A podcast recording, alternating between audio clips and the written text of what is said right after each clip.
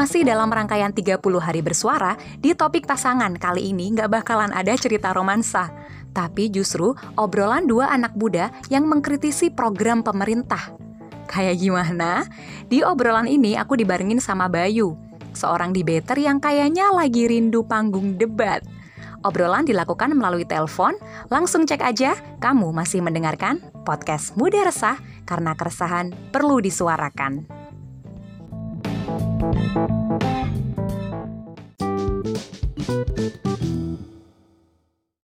Oke, baik. Jadi untuk topik muda resah di podcast hari ini itu kan topiknya tentang pasangan gitu. Nah, aku tuh kemarin bingung. Akhirnya aku googling kan, browsing pasangan muda gitu. Pasangan muda. Nah, yang muncul di di browserku itu programnya Kemenpora yang pemilihan apa pemilihan pasangan muda berprestasi dan inspiratif gitu kan doh. nah jadi aku ingat aku ingat dulu itu kayaknya kita pernah di chat ngobrolin soal paham. ini ya kan? Berselisih paham bergencatan senjata gitu kan tentang ini. Makanya aku pikir kayaknya aku perlu ngobrolin ini sama Bayu deh gitu. Gimana? Kamu kamu dulu deh keluarkan argumen. Kamu kan tamu di sini, jadi aku kasih panggung dulu deh. Oke, okay, um, jadi sebenarnya kalau misalnya ngomongin pasangan muda inspiratif ini kan, uh, hmm. ini kan yang nyelenggarain Kemenpora ya, Kemenpora yeah, yeah, itu kan Kemenpora. kan salah satu institusi pemerintahan ya kan. Nah, mm -hmm. um, ya kita headline-nya dia adalah bagian dari pemerintahan, penyelenggara negara gitu kan.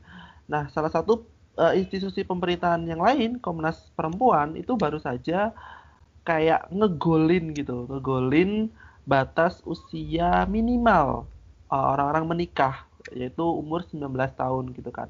Karena di kondisi masyarakat kita banyak banget tuh uh, orang nikah di bawah umur kayak gitu dan it, uh, praktek ini masih banyak terjadi gitu. Akhirnya dinaikin jadi 19 tahun walaupun uh, menurut beberapa orang 19 tahun itu untuk zaman sekarang itu kayak masih terlalu muda gitu, masih terlalu kecil gitu orang untuk hmm. Sedangkan Kemenpora tiba-tiba bikin acara yang ayo anak-anak muda segera menikah gitu. Masa seolah-olah gitu, nge-calling kita untuk anak-anak ayo segera menikah dan ikutin uh, pemuda inspiratif apa pasangan muda inspiratif dan berprestasi ah, ini gitu. Ang, uh, ini nih, nih kamu alur berpikirnya salah, bukan ngajak untuk segera. Kamu lihat persyaratannya nggak sih? Mm -hmm. Persyaratannya itu untuk usia, buset ada ayam baik. oh iya.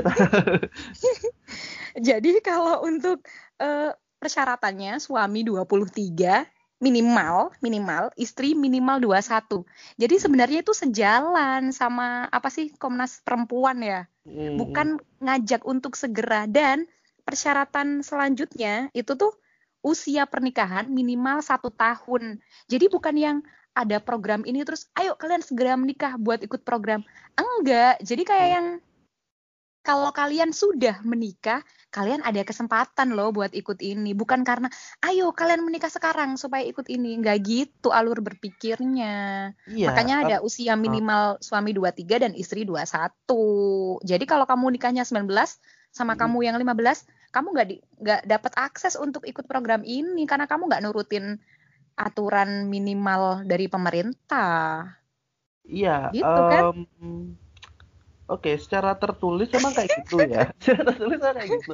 Tapi gini, hmm. misalnya kayak uh, kamu nih um, tahu kalau penyelenggaraan ini itu tiap tahun gitu ya. Penyelenggaraan ini tiap tahun hmm. gitu kan. Dan ketika dulu menikah itu sebagai sesuatu yang mungkin terlihat keren di Instagram ya karena um, sekarang kayaknya orang-orang juga berlomba-lomba untuk uh, menuhin fitnya dengan uh, gambaran menikah gitu kan. Cuman ya tadi kayak pemerintah yang seharusnya punya intervensi yang tinggi gitu kan. Misalnya kalau misalnya mereka pengen apa ya uh, melakukan pencegahan terhadap KDRT gitu ya kasihlah atau bikinlah undang-undang yang soal uh, KDRT kayak gitu atau apa gitu undang-undangnya udah ada undang-undangnya ya, udah ada. Ya berarti kan uh, kalau kayak gitu kan lebih ke penegakan hukumnya kan kayak gitu. Nah kalau yang Kemenpora ini seolah-olah itu ya tadi Vin um, buang-buang anggaran karena kan biasa ya kalau misalnya institusi pemerintah kalau misalnya akhir tahun gitu atau misalnya mau menjelang akhir tahun gitu mereka berlomba-lomba untuk bikin acara yang ya apalah yang terlihat terlihat nasionalis atau terlihat menginspirasi gitu Enggak, kan. Ini... Terus akhirnya tahun depan Enggak, itu ini juga nggak akhir tahun gitu. banget. Nah, ini gitu. momennya itu di Hari Sumpah Pemuda. Jadi bukan karena di akhir tahun. Nah, apalagi Sumpah Pemuda itu punya tiga elemen gitu. Uh, rasa cinta terhadap bangsa, tanah air, dan juga bahasa gitu kan. Kenapa? Ya, uh, terus? Kenapa? Ya, maksudku kenapa harus harus ngurusin ini, harus ngurusin pasangan muda eh, dan lah aku gini-gini Kalau misalnya kamu bilang ya nggak orang, misalnya kamu uh, tahu tahu pengumuman ini terus eh ayo nikah gitu, ya nggak gitu juga. Maksudku adalah dengan adanya program ini seolah-olah yaitu tadi pemerintah itu kayak membuat atau menyuruh orang-orang untuk ayo uh, segera menikah, berprestasilah dan menginspirasilah dan ikuti ini gitu kan. Padahal uh, menurut aku ketika pernikahan itu mau dilakukan, hal-hal yang harus dilakukan itu adalah persiapan-persiapan mental. Kayak kenapa pe, pe, apa namanya Kemenpora nggak nggak fokusin misalnya kayak apa sih namanya yang uh, pendidikan pranikah kayak gitu-gitu atau uh, bagaimana mengasuh anak yang benar kayak gitu-gitu. Bikin program-program yang lebih teknis gitu kan, lebih menyasar Loh, ke masyarakat ini, daripada eh, ambasador ini bukan brand ambassador. Kamu tadi bilang ada uh, apa namanya pelatih apa sih bukan latihan pengenalan untuk anak pendidikan anak gitu ya. Di hmm, hmm. di program ini yang diujikan itu ada ada poin-poin yang diujikan. Kamu udah baca belum nih? Aku bacain kan ya. Diujikan kan? Iya, maksudnya pemahamannya mereka sampai di mana gitu loh, Bay. Sampai di mana? Jadi mereka menguji untuk keluarga harmonis. Kemudian uh, pengasuhan anak, pencegahan KDRT, perlindungan anak, kesehatan reproduksi, kesetaraan gender, sama pengelolaan konflik. Nah, berarti diharapkan pasangan muda yang inspiratif ini, mereka yang paham sama hal-hal ini, kan nanti diujikan gimana sih kesetaraan gender dalam rumah tangga itu, jangan ada apa ya ketimpangan misalkan patriarki yang ekstrim gitu. Hmm. Makanya mereka jadi contoh, jadi sampel ini loh contoh keluarga kecil gitu mm yang diambil justru dari usia muda yang mereka paham kayak gini kesetaraan gender itu pengelolaan konflik dalam rumah tangga itu yang kayak gini gitu. Jadi bukan pageant bukan bukan ambasador yang buat kegayaan cuman diambil tampang doang. Karena kan kalau misalnya dulu kritiknya terhadap acara-acara pageant itu kan seolah-olah pageant itu mengglorifikasi atau mengagungkan beauty standar gitu kan. Pada akhirnya orang berlomba-lomba untuk menjadi standar itu gitu kan. Nah, nah uh, yang dan aku di sini nggak ada persyaratan ya, tinggi badan minimal dan. I know, I know. Maksudku um, um, konteks lainnya adalah ketika seseorang tersebut misalnya pemerintah yang punya uh, power yang gede banget gitu ya uh, intervensi gitu kan terus menyelenggarakan acara kayak gini berarti pemerintah itu punya standar sendiri untuk pasangan muda gitu kan untuk agar orang-orang itu menjadi seperti itu. Emang idealnya dalam pernikahan itu emang harus misalnya um, equality-nya harus ada terus habis itu KDRT harus ada gitu kan. Tapi ya itu tadi kayak pemerintah itu cuman uh, kayak lip service doang gitu mesti coba permukaannya doang gitu daripada bener-bener melihat kajian-kajian misalnya kajian dari uh, feminis dari apa sosiolog atau apa pun gitu uh, psikolog pernikahan gitu kan. Mereka ya pemerintah cuma kayak ya udah ini pasangan ini terus terus kamu ini tolong apa namanya bikin program supaya orang-orang sama kayak kamu gitulah. Nah maksudku buat apa pemerintah gitu? Maksudnya loh sekarang Harusnya gini kalau tadi kamu bilang dilihat dari psikologis dari uh, kacamata feminis nah justru karena ada ujian ini ada topik-topik ini bisa dilihat mereka sejauh mana sih pemahamannya soal kesetaraan kan nggak bisa diuji yang kesehariannya mereka jurinya ngikutin mereka selama 10 tahun gimana sih perilaku di rumah. Nah, secara sederhana lihat pemahaman mereka tuh sampai di mana. Minimal aja itu mereka paham dengan konsep kesetaraan gender, minimal paham dengan uh, apa pengelolaan konflik dengan jawaban-jawaban itu lebih jauh berprestasinya itu mereka itu bikin sosial project ini yang aku bilang beda sama pageant. Kalau pageant kan ya mungkin pageant ya, juga buat, ada social project juga. Tapi enggak ini mas, makanya di makanya di sini itu tapi tapi pageant jelas ini ya jelas beauty standard jelas. Kalau ini tuh enggak makanya berprestasinya itu karena mereka do something gitu. Apa itu mbak? Makanya okay. mereka di nah kamu ini enggak kamu baca profil orang yang menang nggak yang juara satunya kemarin?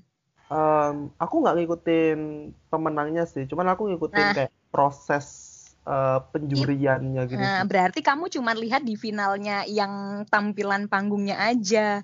Itu tuh sempat diposting yang pemenangnya yang juara satu nih. Jadi mereka itu tuh punya sosial project yang udah mereka jalankan selama bertahun-tahun. Jadi bukan yang project dadakan untuk program ini. Jadi mereka tuh membangun namanya kalau nggak salah Kampung Inspirasi yang sampai hari ini tuh mereka udah punya 13 pegawai, terus udah melibatkan 15 investor. Kemudian proyeknya di dalamnya itu ada pengadaan beasiswa, uh, pemberian sedekah, pembangunan rumah ibadah, santunan yatim, dan pemberdayaan 56 UKM. Nah, kayak gitu kan nggak bisa yang dikerjain seminggu ketika pembukaan pendaftaran gitu misalkan. Kan hmm. bukan proyek dadakan. Uh, masalahnya atau pertanyaanku sih adalah kenapa harus pasangan gitu yang melakukan ini gitu? Nah, kenapa kenapa harus pasangan? Karena program yang untuk individu tuh udah banyak banget. Kemenpora hmm. kan juga ada pemuda pelopor, PPAN ya kan, yang itu didaftarkannya secara individu. Dan kalau kamu lihat ya namanya program kepemudaan gitu biasanya uh, persyaratannya pasti kisaran rentang usia. Terus ada juga beberapa yang justru mensyaratkan belum menikah gitu. Nah, kenapa kalau aku melihatnya kenapa program ini ada? Itu tuh ngasih kesempatan buat anak-anak muda yang udah kadung udah kadung menikah untuk mereka tetap tetap do something tetap bisa punya semangat. Soalnya kadang aku tuh menemukan gitu teman-teman yang dulu ketika single mereka aktif gitu kan mereka uh, melakukan banyak hal banyak pergerakan. Habis nikah itu ada aja kayak jadi alasan aduh sekarang udah repot sama keluarga aduh sekarang udah ribet sama tambahan tanggung jawab. Nah, ini program itu jadi jadi jawaban dan jadi penguatan kalau meskipun kamu udah berpasangan, kamu tetap bisa maju terus dan kamu dikasih apresiasi dan kamu dikasih tambahan resource dan power untuk kamu terus menjalankan proyekmu itu yang impactful buat sekitar. Jadi tuh kayak pada akhirnya kalau bisa jawabanmu kayak gitu ya, itu kayak dikotomi gitu bahwa single itu harus melakukan ini dan juga pasangan itu harus melakukan ini. Karena apa? Uh, menurutku untuk melakukan proyek-proyek sosial atau melakukan sesuatu yang kebaikan, basic on humanity gitu, itu tuh bukan berdasarkan apakah status kamu sudah menikah atau enggak kayak gitu kan. Nah, ketika ada orang-orang yang misalnya udah menikah terus pada akhirnya dia tidak do something atau misalnya melepaskan melepaskan apa ya semacam um, keaktifannya dulu gitu kan. Ya yang yang masalahnya itu adalah bagaimana dia mau ke pernikahan tersebut bagaimana seseorang tersebut uh, benar-benar mau untuk uh, melakukan itu lagi kayak gitu. Kan karena budaya kita yang kamu harus misalnya cewek kamu nggak boleh uh, apa ya nggak boleh kerja atau apa-apa kayak gitu kan. Ya sebenarnya kan itu bukan masalah dong. Aku pun juga nggak setuju gitu kalau misalnya ada program yang misalnya syaratnya belum menikah. Emang objektifnya apa kalau misalnya udah atau belum menikah? Apa pengaruhnya? Sama kayak gitu gitu. Um, jadi kayak bikin suatu semakin membuat orang-orang itu kayak oh berarti kalau udah menikah itu harus semuanya tuh harus sama pasangannya, harus bikin project gini gini gini gini, ah, gini, gini gitu. Bukan gitu. Sudut pandangnya kalau udah nikah harus ini. Nah, itu jadi penguatan bahwa pasanganmu itu ya akan idealnya orang yang kamu ajak untuk melakukan hal baik itu. Kalau sekarang, kayak misalkan kadang ya perselingkuhan itu datangnya dari ketika kamu nggak bisa uh, punya banyak interaksi sama pasanganmu, tapi kamu lebih nyaman misalkan do something sama orang lain. Akhirnya kamu bergelut sama orang ini, tapi sama pasanganmu kamu nggak sejalan atau nggak bisa saling support. datangnya bisa jadi situ. Makanya program ini tuh menguatkan yang udah jadi, ibaratnya udah udah saling terikat gitu kan. Kan orang menikah ini ibaratnya udah udah saling mengikat diri. Nah, yang udah saling mengikat diri ini dikasih panggung, dikasih apresiasi. Ayo, kalian kan udah udah mengikrarkan. Ayo kalian jadi sesama partner untuk sekalian ngasih contoh yang baik dan kami beri apresiasi kamu yang udah do something selama ini kayak gitu jalan berpikirnya oke aku setuju sih aku setuju sih di bagian ketika ya pada akhirnya orang menikah itu tidak menghalangi mereka untuk do it something better gitu ya untuk uh, mereka iya. gitu. tapi permasalahannya adalah yaitu tadi um, oke okay, ketika pemerintah membuat sesuatu yang ideal itu kan otomatis membuat suatu standarisasi gitu ya ibaratnya kayak, kayak ujian nasional gitu kan um, kenapa dihapus karena standarisasi dari Aceh sampai apa namanya Papua gitu itu sama gitu bahwa anak harus minimal nilai 7 untuk lulus gitu kan sama kayak pada hmm. akhirnya di sini gitu masalahnya adalah pemerintah memberikan intervensi dan akhirnya memberikan standar terus akhirnya tidak mengindahkan aspek-aspek lain gitu kan apakah yang uh, berada di underprivileged misalnya soal sosial ekonomi atau edukasi yang tidak sebaik orang-orang yang mengikuti acara ini atau mereka yang masih nah, teknologi. Nah, justru bentar. Justru acara ini ada sebagai tambahan ruang edukasi. Sekarang kalau kita bilang soal uh, pencegahan KDRT, udah berapa banyak sosialisasi, seminar, penyuluhan, terus apa sih kesetaraan gender ruang-ruang kayak talk show workshop udah banyak orang tuh dicekokin kayak gini ya dengan berbagai lapisan mulai dari yang pusat sampai ke daerah-daerah gitu mm-hmm. tapi mereka dapat contoh nggak kondisi uh, keluarga kondisi pasangan yang ngerti yang ngerti hal-hal ini tuh yang kayak gimana. Makanya ada program ini. Dikasih contoh real. Kayak gini loh mereka yang memiliki pemahaman ya, dianggapnya memiliki pemahaman karena dari uh, dari tes uji itu. Memiliki paham, pemahaman soal resolusi konflik, kesetaraan gender dan mereka juga bisa do something untuk lingkungan sekitarnya. Ini contoh realnya yang selama ini digemborkan di ada penyuluhan, ada seminar, ada ya segala macam itu. Dikasih contoh realnya makanya ini bagian dari edukasi. Bukan mendiskriminasi mereka yang nggak dapat akses informasi enggak justru dikasih dikasih contohnya langsung sampelnya. Um, aku nggak bilang gitu, diskriminasi ti tapi lebih ke bagaimana seseorang itu mencapai standar yang ditentukan yang bagi mereka mungkin oke okay, bagiku misalnya keluarga yang keluarga yang ideal itu ya versiku adalah misalnya aku punya anak satu gitu kan terus aku bisa nyukupin anak makan sama sekolah kayak gitu-gitu. Aku nggak punya misalnya proyek sosial, inspiratif dan apa. Apakah itu bukan sesuatu yang maksudnya dari keluarga biasa-biasa aja itu apakah sesuatu yang gagal juga atau tidak berprestasi gitu atau gimana?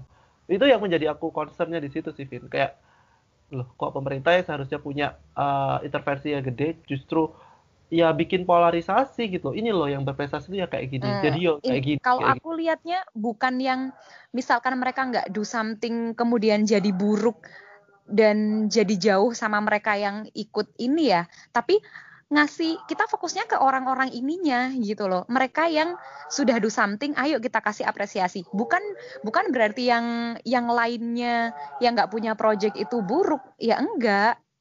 Enggak, tapi kita di sini nambahin pihak-pihak yang bisa ngedukasi, nambahin pihak-pihak yang bisa ngasih uh, pencerahan supaya pesan ini, pesan soal isu-isu topik tadi yang diujikan itu bisa lebih luas tersampaikannya gitu. Dan mereka yang dapat ini karena mereka misalkan menang itu kan dapat apresiasi mulai dari hadiah cash sampai ke mungkin nanti publikasi dan pengakuan itu hmm. bisa jadi power bisa jadi tambahan resource buat mereka kasih impact yang lebih besar buat sekitarnya.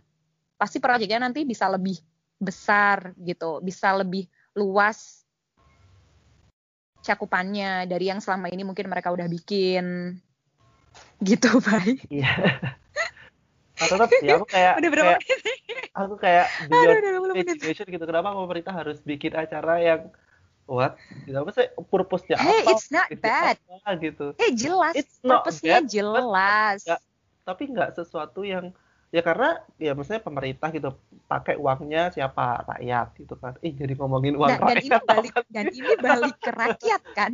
Ini balik ke mereka yang mau do something, bukan yang anak muda yang ongkang-ongkang gitu, pakai nama besar orang tua terus dikasih ini. Ini, ini justru anak-anak muda yang mereka struggle, struggle dari lama dan dikasih apresiasi.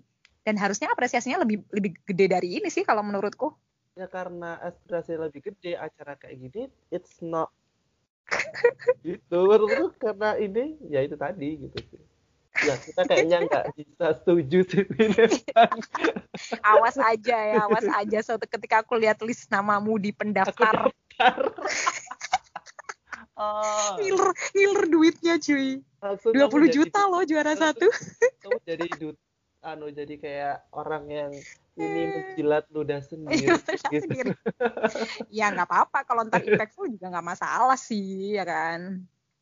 Oke Nggak. baik, aduh udah limit ini limit sih waktunya sebenarnya. iya Oh, iya. udah 20 udah 20 menit. Oke baik terima kasih Eh, semoga ini gimana ya membuka perspektif kita untuk bisa Mm-mm. kritis gitu sama kebijakan yang muncul di hari-hari ini. sih, thank you buat kamu udah ngasih Apa? insight pro karena selama ini pandanganku sangat sangat kontra Sangat kontra. ini gitu Oke, karena kamu kurang dalam mikirnya. Kamu juga gitu kamu kurang dalam kalau mikir terlalu aku udah- Aku udah logis banget argumenku. Nggak Udah usah, ini. nggak mau, nggak mau terima kasih Udah masuk Dewan dari- juri tolong menangkan saya Ini ya, eh terobati ya, kangen panggung debat ya. Udah lama kan Iya, berapa iya, tahun iya. nggak debat.